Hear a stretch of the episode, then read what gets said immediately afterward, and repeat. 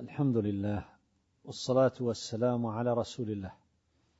أما بعد ففي باب الحث على سور وآيات مخصوصة أورد المصنف رحمه الله حديث أبي هريرة رضي الله عنه. قال وكلني رسول الله صلى الله عليه وسلم بحفظ زكاة رمضان. يعني زكاة الفطر. وهي منسوبة إلى رمضان لأنها تجب على من أدرك جزءا منه أو لأنها تجبر ما يقع فيه من رفث وغفلة ونقص للصائم في صومه رمضان. قال فأتاني آت فجعل يحثو من الطعام. أتاني آت أبهمه هنا جعل يحثو من الطعام. وفي بعض الروايات أنه رأى شيئا من الطعام ينتقص يؤخذ منه يأخذ منه فأخذته فقلت لأرفعنك إلى رسول الله صلى الله عليه وسلم. فقال قال إني محتاج وعلي عيال وبي حاجة شديدة فخليت عنه. وظاهره والله أعلم يفهم من هذا أنه جاءه بصورة آدمي بصورة إنسان. ولهذا أخذه أبو هريرة رضي الله عنه وقال له لأرفعنك لرسول الله صلى الله عليه وسلم فكأنما يخاطب أحدا من الناس. والشياطين والجن لهم قدرة على التصور والتشكل بصور مختلفة بصور الآدميين. وبصور أيضا الحيات وبصور لربما بعض الحيوانات كالكلاب وغيرها. يقول فقال إني محتاج وعلي عيال وبي حاجة شديدة. هذا ظاهره أنه بصورة آدم. فأبو هريرة رضي الله عنه صدقه. يقول فخليت عنه. وهذا يدل على أن الجن والشياطين قد يسرقون المتاع وهذا معروف. وقد ذكر شيخ الإسلام ابن تيمية رحمه الله وغيره بأن السحرة قد يسلطون من يتعاملون معهم من الجن والشياطين على سرقة المتاع. وكذلك أيضا في قوله تبارك وتعالى عنهم ربنا استمتع بعضنا ببعض وبلغنا أجلنا الذي أجلت لنا. قال النار مثواكم. لما قال ويوم يحشرهم جميعا يا معشر الجن قد استكثرتم من الإنس. وقال أولياؤهم من الإنس ربنا استمتع بعضنا ببعض وبلغنا أجلنا الذي أجلت لنا. ما معنى استمتع بعضنا ببعض؟ استمتع بعضنا ببعض ذكر المفسرون فيه معاني وهذه المعاني غير متناقضة يعني صحيحة. فمن هذا الاستمتاع أن الجن لربما حققوا بعض المصالح للآدمي كأن يأتوه بشيء من المتاع المسروق يسرقون متاعا من مال ونحو ذلك أو طعام ويأتونه به. إلى غير ذلك من الأمور التي يحصلها من يتعامل معهم لكن ذلك يكون على حساب دينه نسأل الله العافية. وكذلك من غير يعني العمل هؤلاء سخرهم الله عز وجل لسليمان عليه الصلاة والسلام. ومن الشياطين من يغوصون له ويعملون عملا دون ذلك. فهم يقومون بأعمال متنوعة. على كل حال يقول فأصبحت فقال رسول الله صلى الله عليه وسلم يا أبا هريرة ما فعل أسيرك البارحة؟ والبارحة هي الليلة التي قبلك. الليلة التي قبلك. وهذا يدل على أن ذلك يقال ولو كان قبل الزوال. يعني بعض أهل العلم بعض أهل اللغة يقول ما تقول البارحة إلا إذا كنت بعد الزوال. يعني كنت بعد الظهر مثلا تقول عن بعد العصر تقول عن الليلة الماضية البارحة. وقبل الزوال تقول الليلة. واضح؟ تقول رأيته الليلة يعني الماضية. ولكن هذا الحديث يدل على أن أنه يقال البارحة ولو في الصباح. لكن أولئك قالوا بأن أبا هريرة رضي الله عنه يقول فلما أصبحت فخليت عنه فأصبحت فقال رسول الله صلى الله عليه وسلم يقولون قد يكون النبي صلى الله عليه وسلم قال له ذلك بعد الظهر. وإن كان ظاهره أن ذلك قال له له النبي صلى الله عليه وسلم في الصباح. فقال رسول الله صلى الله عليه وسلم يا أبا هريرة ما فعل أسيرك البارحة؟ سماه أسيرا باعتبار أن أبا هريرة أخذه ثم أطلقه. قلت يا رسول الله شكى حاجة وعيالا. فرحمته فخليت سبيله فقال أما إنه قد كذبك وسيعود. وهذا من وحي الله عز وجل لنبيه صلى الله عليه وسلم. أطلعه الله على ما حصل مع أبي هريرة رضي الله عنه وما سيكون بعد ذلك. يقول فعرفت أنه سيعود لقول رسول الله صلى الله عليه وسلم لأنه لا ينطق عن الهوى. يقول فرصدته فجاء يحثو يعني جاء وأخذ يحثو أو جاء ليحثو من الطعام. فقلت لأرفعنك إلى رسول الله صلى الله عليه وسلم. قال دعني فإني محتاج وعلي عيال ولا أعود. فرحمته فخليت سبيله. فأصبحت فقال لي رسول الله صلى الله عليه وسلم يا أبا هريرة ما فعل أسيرك البارحة؟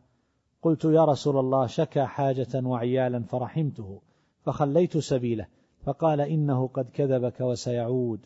فرصدته الثالثة فجاء يحثو من الطعام فأخذته فقلت لأرفعنك إلى رسول الله صلى الله عليه وسلم وهذا آخر ثلاث مرات يعني يكفي. هذه الثالثة هذا آخر ثلاث مرات أنك تزعم أنك لا تعود. ثم تعود فقال دعني فإني أعلمك كلمات ينفعك الله بها. قلت ما هن؟ قال إذا أويت إلى فراشك فاقرأ آية الكرسي. فإنه لن يزال عليك من الله حافظ ولا يقربك شيطان حتى تصبح. فإنه إذا أويت إلى فراشك. يعني هذا يقال حينما يأوي الإنسان إلى فراشه لا يكون قبل ذلك. فإنه لا يزال لن يزال عليك من الله حافظ يحفظك. مما يهيئه الله عز وجل من ملائكته أو غير ذلك. وهذا الحافظ هنا لا يزال عليك من الله حافظ. يحفظك من ماذا؟ أطلق. يحفظك من كل شيء. من كل شيء. مما تخافه وتحاذره. ولا يقربك شيطان حتى تصبح. يعني ذكر هذا مع ما أطلق من الحفظ وهو داخل فيه لما للشياطين من ضرر وفساد وسوء وشر على وجه الخصوص.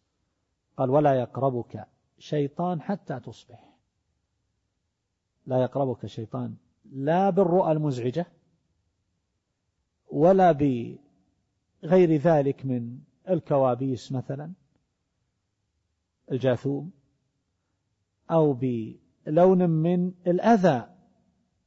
قال فخليت سبيله فأصبحت فقال لي رسول الله صلى الله عليه وسلم ما فعل أسيرك البارحة؟ قلت يا رسول الله زعم أنه يعلمني كلمات ينفعني الله بها. فخليت سبيله فقال ما هي؟ قلت قال لي إذا أويت إلى فراشك فاقرأ آية الكرسي من أولها حتى تختم الآية. الله لا إله إلا هو الحي القيوم. وقال لي لا يزال عليك من الله حافظ ولن يقربك شيطان حتى تصبح. فقال النبي صلى الله عليه وسلم أما إنه قد صدقك يعني في هذه وهو كذوب يعني أن من صفته كثرة الكذب. والكذوب قد يصدق. تعلم من تخاطب منذ ثلاث يا أبا هريرة؟ قلت لا. قال ذاك شيطان. رواه البخاري. وهذا يدل على أنه جاءه بصورة إنسان. ذاك شيطان. وعلى كل حال هذا كله يدل على أن هؤلاء الشياطين والجن أنهم قد يقومون بأشياء من أعمال ونحو ذلك من تحطيم المتاع وسرقته ولربما تغوير المياه في البئر. إلى غير ذلك من الأمور ومن الناس من يقول بأن هؤلاء أجسام ضعيفة لا تقوى على شيء من ذلك وهذا الكلام غير صحيح. فما ذكره الله عز وجل من أعمالهم التي يعملونها لسليمان عليه الصلاة والسلام أعمال يعجز عنها البشر. وكذلك هنا أيضا جاء ليسرق من آه، التمر وكذلك أيضا ما هو مشاهد وواقع مما لا يخفى. وهذا يدل أيضا وهو الشاهد على فضل آية الكرسي. فإن الإنسان إذا قرأها إذا أوى إلى فراشه فإنه يكون محفوظا. لا يزال عليك من الله حافظ فإن من هنا يمكن أن تكون ابتداء الغاية. حافظ من الله يعني مبتدأ من الله ولا يقربك شيطان. الإنسان حينما تعتريه مخاوف أو يكون في مكان غير آمن ثم يقال له لا تخف عليك حافظ عليك حراسة هناك جند يحرسونك أو نحو ذلك فإنه يأمن. لكن إذا كان ذلك الحفظ من الله ولا يقربه شيطان حتى يصبح فإن مثل هذا لا شك أنه أمر عظيم يحصل بهذا الفعل اليسير. هذا ما يتعلق بهذا الحديث وكنت نسيت التعليق على الحديث الذي قبله وهو حديث أبي بن كعب رضي الله عنه. قال قال رسول الله صلى الله عليه وسلم يا أبا المنذر أتدري أي آية من كتاب الله معك أعظم؟ قلت الله لا إله إلا هو الحي القيوم. فضرب في صدري وقال ليهنك العلم. أبا المنذر رواه مسلم. فالنبي صلى الله عليه وسلم يخاطب هذا العالم من علماء الصحابة أبي بن كعب رضي الله عنه بكنيته يا أبا المنذر وهذا تكريم لأن العرب إنما تخاطب بالكنية تكريما يحبون الخطاب بالكنية فإن لم فبالاسم ويكرهون اللقب. وكذلك النبي صلى الله عليه وسلم قال له إن الله أمرني أن أقرأ عليك لم يكن الذين كفروا من أهل الكتاب. قال وقد سماني. قال نعم. هذا فيه تشريف عظيم جدا لأبي بن كعب رضي الله تعالى عنه. ثم قال له أتدري أي آية من كتاب الله معك أعظم؟ وهذا قد يفهم منه أن أبي رضي الله عنه في ذلك الوقت كان يحفظ كل ما نزل من القرآن. أي آية من كتاب الله معك. فهو معه محفوظ. أعظم. هذا يحتاج إلى استنتاج واستنباط وفهم. ففي بعض الروايات أنه قال الله ورسوله أعلم. تسليما وتفويضا. فأعاد عليه النبي صلى الله عليه وسلم فعرف أنه يريد الجواب منه. ومن ثم فإنه لا بأس أن يقول الإنسان باجتهاده ونحو ذلك في مقامات مقام السؤال الذي يوجه إليه ليعرف فهمه واطلاعه وعلمه وما أشبه ذلك. كما يسأل الطالب مثلا تلميذ في الاختبار ونحو هذا أو في أثناء الدرس فلا يكون قائلا على الله بلا علم في هذه الحال. ماذا تفهم؟ ماذا تستنتج؟ ماذا تستنبط؟ في مقام المدارسة والمذاكرة لا بأس لكن لا يجوز له أن يؤلف آيات من عندي كما يفعل بعض الطلاب أو يؤلف أحاديث من عند نفسه كما يفعل بعض الطلاب فهذا عظيم. وهنا يقول قلت الله لا إله إلا هو الحي القيوم. كيف استنبط هذا؟ كيف عرف؟ يعني هذه الآية اشتملت على الاسم الأعظم سواء قلنا الله لفظ الجلالة أو قلنا الحي القيوم وهذه أرجح الأقوال. في الاسم الأعظم وقد مضى الكلام على ذلك في الأسماء الحسنى في أوله. وكذلك أيضا هي مشتملة على جملة من أوصاف من أوصاف الله تبارك وتعالى وأسمائه الكاملة التي عليها مرجع ومدار الكمالات والأسماء الحسنى. صفة الألوهية والحياة والقيومية. ويقول فضرب في صدري وقال ليهنك العلم أبا المنذر. ليهنك. يعني هنيئا لك بالعلم.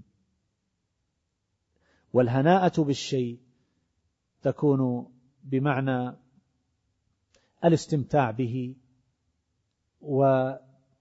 والتيسير والتسهيل للشيء من غير مشقة ولا نكد. تقول فلان حصل له مال لكنه لم يتهنى به. ما تهنى به. حصل له تنغيص حصل له تكدير فلان سكن دارا جميلة لكنه لم يهنأ بها. لما حصل له من التكدير مثلا. فلان أكل طعاما لكن لم يهنأ به. ولهذا يدعى للإنسان بذلك. يقال له هنيئا مريئا. وهنا قال ليهنك العلم. أبا المنذر. وهذا الشيء الذي هذا يدل على منزلة أبي بن كعب رضي الله عنه وما حصل له من الفهم الدقيق لكتاب الله عز وجل وشهادة النبي صلى الله عليه وسلم آه، له بذلك. فهذه الآية هي أعظم آية في القرآن على الإطلاق. كما أن أعظم سورة في القرآن هي سورة الفاتحة. قراءة آية الكرسي قبل النوم. إذا استيقظ الإنسان ثم رجع إلى فراشه. إن كان ذلك عارضا يعني قام وذهب عزكم الله للخلاء مثلا ورجع أو نحو ذلك لا يحتاج أن يعيد الأذكار ولا آية الكرسي. لكن لو أنه أراد أن ينام فقرأ الأذكار أذكار النوم ثم بعد ذلك صرف النظر واستيقظ وجلس ساعات ثم بعد ذلك رجع إلى فراشه لينام. فهنا القول بأنه يتوجه عليه أن يعيد الأذكار له وجه والله تعالى أعلم. وهنا في قوله في الحديث حديث أبي هريرة رضي الله عنه ولا يقربك شيطان حتى تصبح. طيب لو أنه استمر في نومه المرأة مثلا عليها عذر لا تجب عليها الصلاة نامت إلى الساعة التاسعة صباحا استمرت. هل لا تزال في الحفظ؟ هل المقصود حتى تصبح يعني حتى تستيقظ أنه عبر بهذا عن هذا أو بمجرد دخول الصباح ولو كان في فراشه فإن ذلك يرتفع عنه وهذا إنما يكون في الليل وهذا هو الأقرب والله تعالى أعلم أنه حتى تصبح أي حتى تدخل في الصباح وهذا هو وقت أصلا المخاوف. لذلك الناس الذين يخافون الذين يقلقون في الليل الذين يخافون يتخوفون من أمور إما لفقد الأمن في بلادهم أو لأذى يجدونه من الشياطين أو غير ذلك أو لمرض آه، يعودهم أو يزداد عليهم ليلا. غالبا هؤلاء ينتظرون الصباح لأن الحال في الصباح تكون أخف بلا شك. والله أعلم. صلى الله عليه وسلم